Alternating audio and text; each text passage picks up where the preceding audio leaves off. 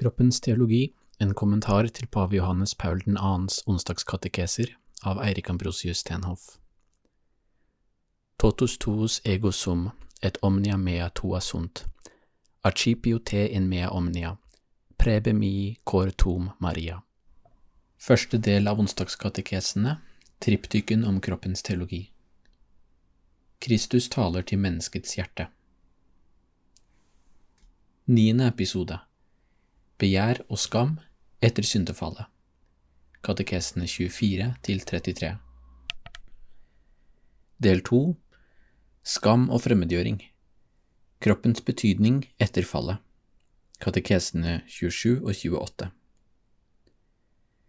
I forrige del av denne episoden så vi hvordan syndefallet, slik det er beskrevet i Første Mosebok kapittel 3, førte til et brudd i relasjonen mellom Gud og menneske, et brudd i menneskets relasjon til seg selv, og et brudd mellom mannen og kvinnen. Ved å ta slangens ord på alvor tvilte mannen og kvinnen på Guds gode gave, som paven uttrykker det.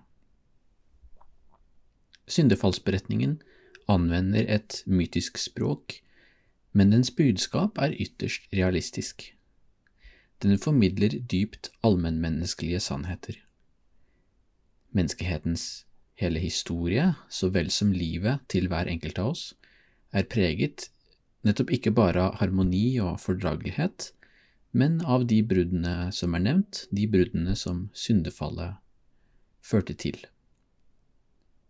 Den kristne arvesyndlæren er en teologisk doktrine, men med et fundamentalt antropologisk innhold som omfatter alle mennesker.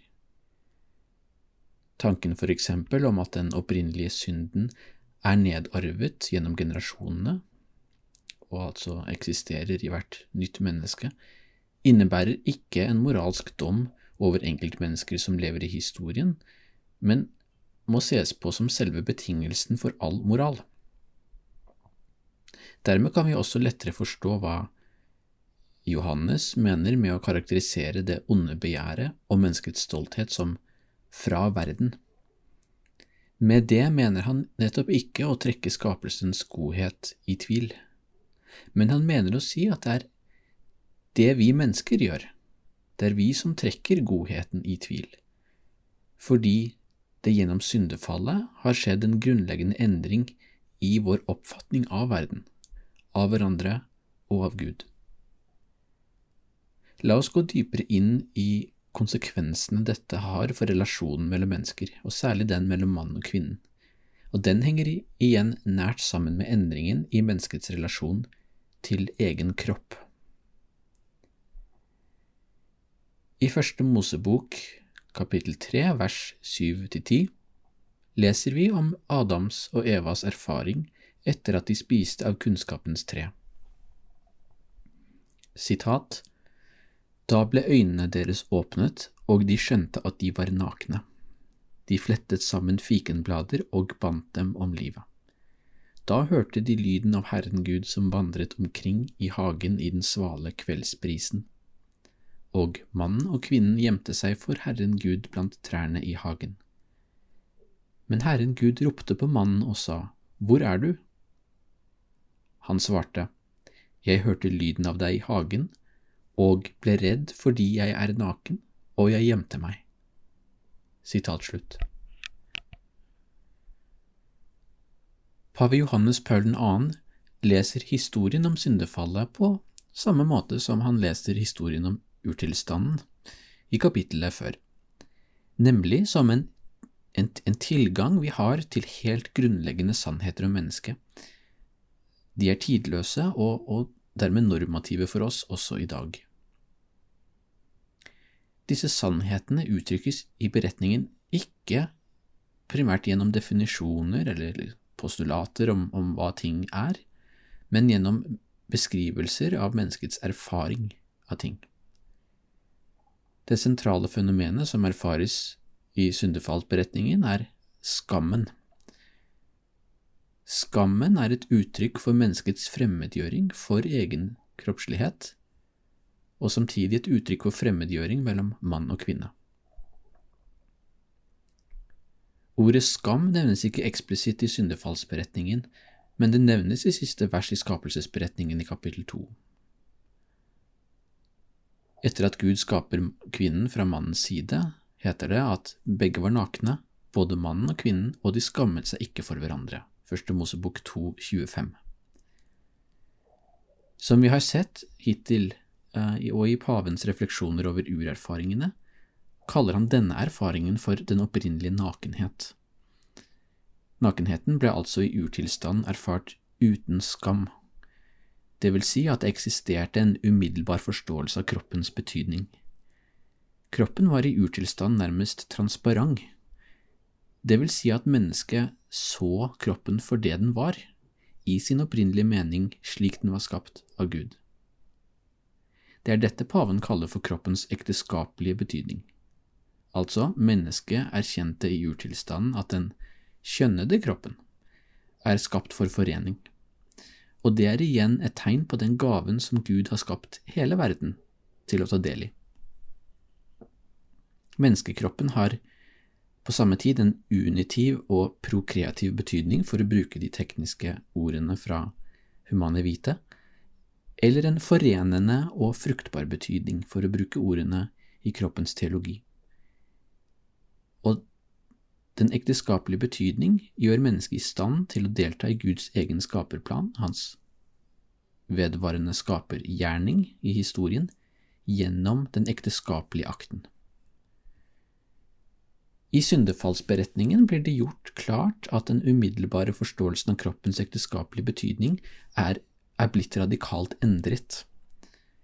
Når vi leser kapittel to og tre i Første Mosebok i sammenheng, er det som om det brått kastes et slør over de første menneskenes erfaring av verden. De gjemmer seg plutselig for Gud og for hverandre, nettopp som et tegn på den skammen som de erfarer for første gang. Fenomenet skam er et stort mysterium for oss ja, i dag, med antropologiske, psykologiske, moralske og teologiske dimensjoner. Det også, får også stor oppmerksomhet i vår kultur. Men det er viktig å understreke at den skammen pave Johannes Paul 2. først og fremst mener å omtale her, ikke er det vi pleier å forstå som psykologisk eller moralsk skam. Det synes klart at Adam og Eva følte en skam over det de hadde gjort, og kanskje til og med skammet seg over en, sin egen eksistens. Men den skammen paven forsøker å beskrive, er av en mer fundamental ontologisk karakter. Det skjer her en endring i menneskets grunnleggende betingelser, som kan beskrives som skam. Og det må også legges til at den psykologiske og moralske skammen vi erfarer i historien, i våre individuelle liv, alltid vil måtte ses i lys av at Gud er god og ønsker å tilgi og helbrede vår skyld og skam. Skammen i syndefallsberetningen er et mer grunnleggende vilkår, på et vis. Mannen sier til Gud at han ble redd fordi han var naken, og gjemte seg. Paven sier at denne frykten peker på et vesentlig trekk ved skammen. Samtidig antyder denne frykten at det foregår noe dypere her enn bare skammen over egen nakenhet. Ved å skjule seg, sier paven, forsøker mannen samtidig å skjule den sanne kilden til sin egen frykt. Han forsøker å skylde på nakenheten som sådan. Jeg ble redd fordi jeg er naken, sier han jo, og dermed flytter fokus bort fra seg selv og sin egen synd.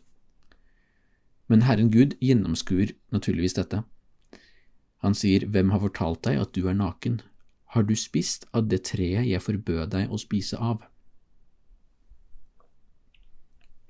Den nye bevisstheten om egen nakenhet handler derfor ikke bare om frykten eller skammen for den nakne kroppen, eller hvordan den betraktes av andre, eller en selv. Nei, den peker på det faktum at vi ikke lenger deltar i Guds gave på en umiddelbar måte, så å si. Vi er fremmedgjort, sier paven, for den kjærlighet som er kilden til den opprinnelige gaven, som vi var ment å ta del i, nettopp som Guds skapninger. Kroppens teologi handler om å vise at kroppen selv er en synlig manifestasjon av denne kjærligheten, av denne gaven. Men etter syndefallet finner det sted en radikal endring i vår erfaring av kroppen, som har konsekvenser for hvordan vi ser på relasjonen mellom mann og kvinne. Som vi så i beskrivelsen av urerfaringene, er kroppen et uttrykk for personen, og det oppsummerer på sett og vis hele kroppens teologi. Den menneskelige person, altså hver, hvert enkelt menneske, erfarer egen kropp på en personlig måte, til forskjell fra de andre dyrene i skaperverket. På den måten ble kroppen også det selve det synlige tegnet på menneskets tilstedeværelse i skapelsen.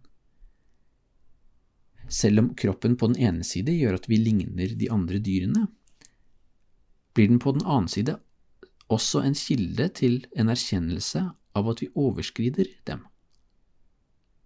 Og den er en kilde til en erkjennelse om at vi er skapt for en communio personarum, altså en fruktbar forening mellom mannen og kvinnen, som deltar i Guds skapergjerning i verden.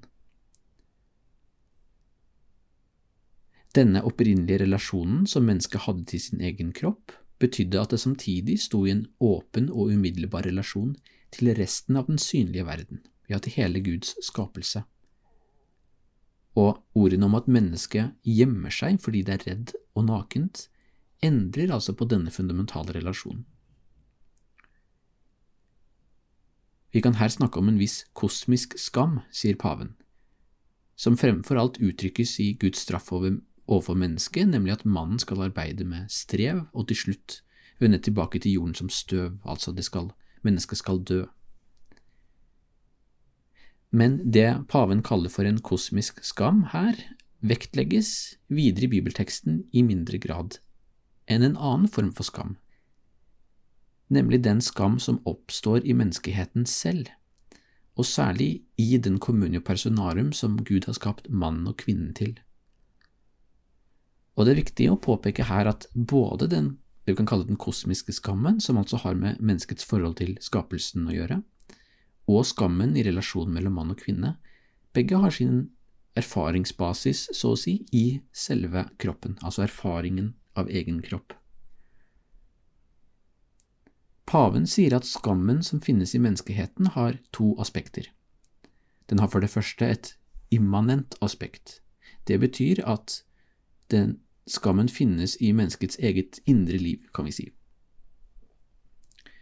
Skammen har et annet aspekt, et relativt aspekt.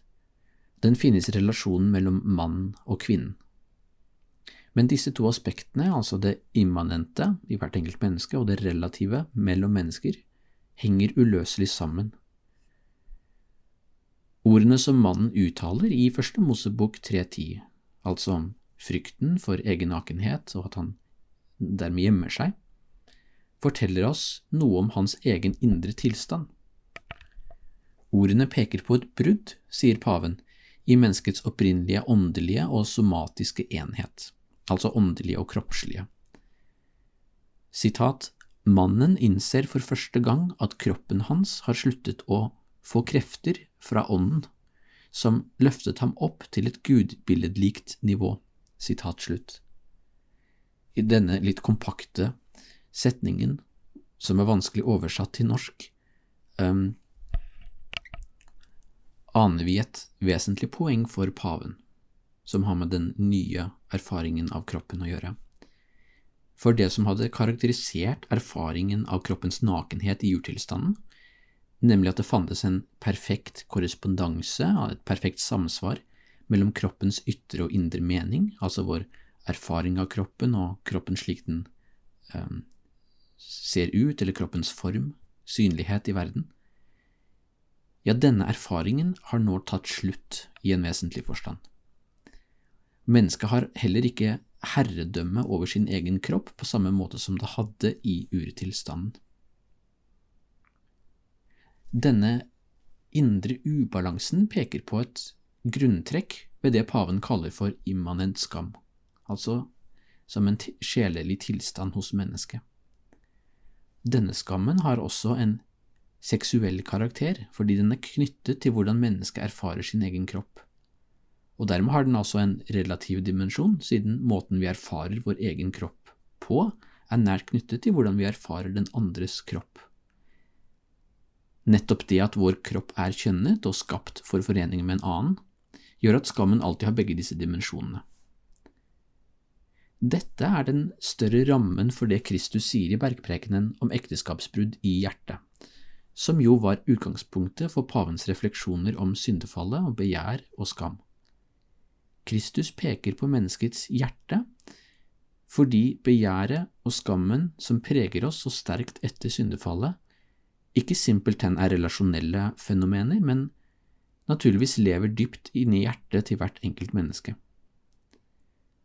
Likevel er ikke begjæret og skammen det aller siste ordet om oss. Vi er eksempel ikke dømt til mislykkede relasjoner eller et uavklart perspektiv på, på kropp og seksualitet. Vi kan ikke gi opp. Tvert imot ønsker Kristus å peke mot et genuint forløsende perspektiv. Og paven peker i denne sammenheng på noe viktig, nemlig at skammen ikke bare har en negativ, men nettopp en positiv betydning. Den peker på en trussel mot det gode, men også men den, men den beskytter og bevarer på samme tid det gode. Ja, det faktum at vi erfarer skam, peker på at vi har en mer fundamental orientering mot det gode, og dermed mot kroppens opprinnelige betydning. Paven kaller skammen senere for en terskelerfaring, eller en, en grenseerfaring. Altså, den gjør oss i stand til å overskride vårt eget historiske perspektiv og komme nærmere en erkjennelse av at våre kropper opprinnelig ble skapt for å kommunisere kjærlighet. I så måte kan skammen åpne oss opp for kroppens opprinnelige betydning. I den tredje og siste delen skal vi gå dypere inn i denne dimensjonen ved skammen. Gloria patri et filio et spiritui sancto, sicut erat in principio et nunc et semper, et in saecula saeculorum. Amen.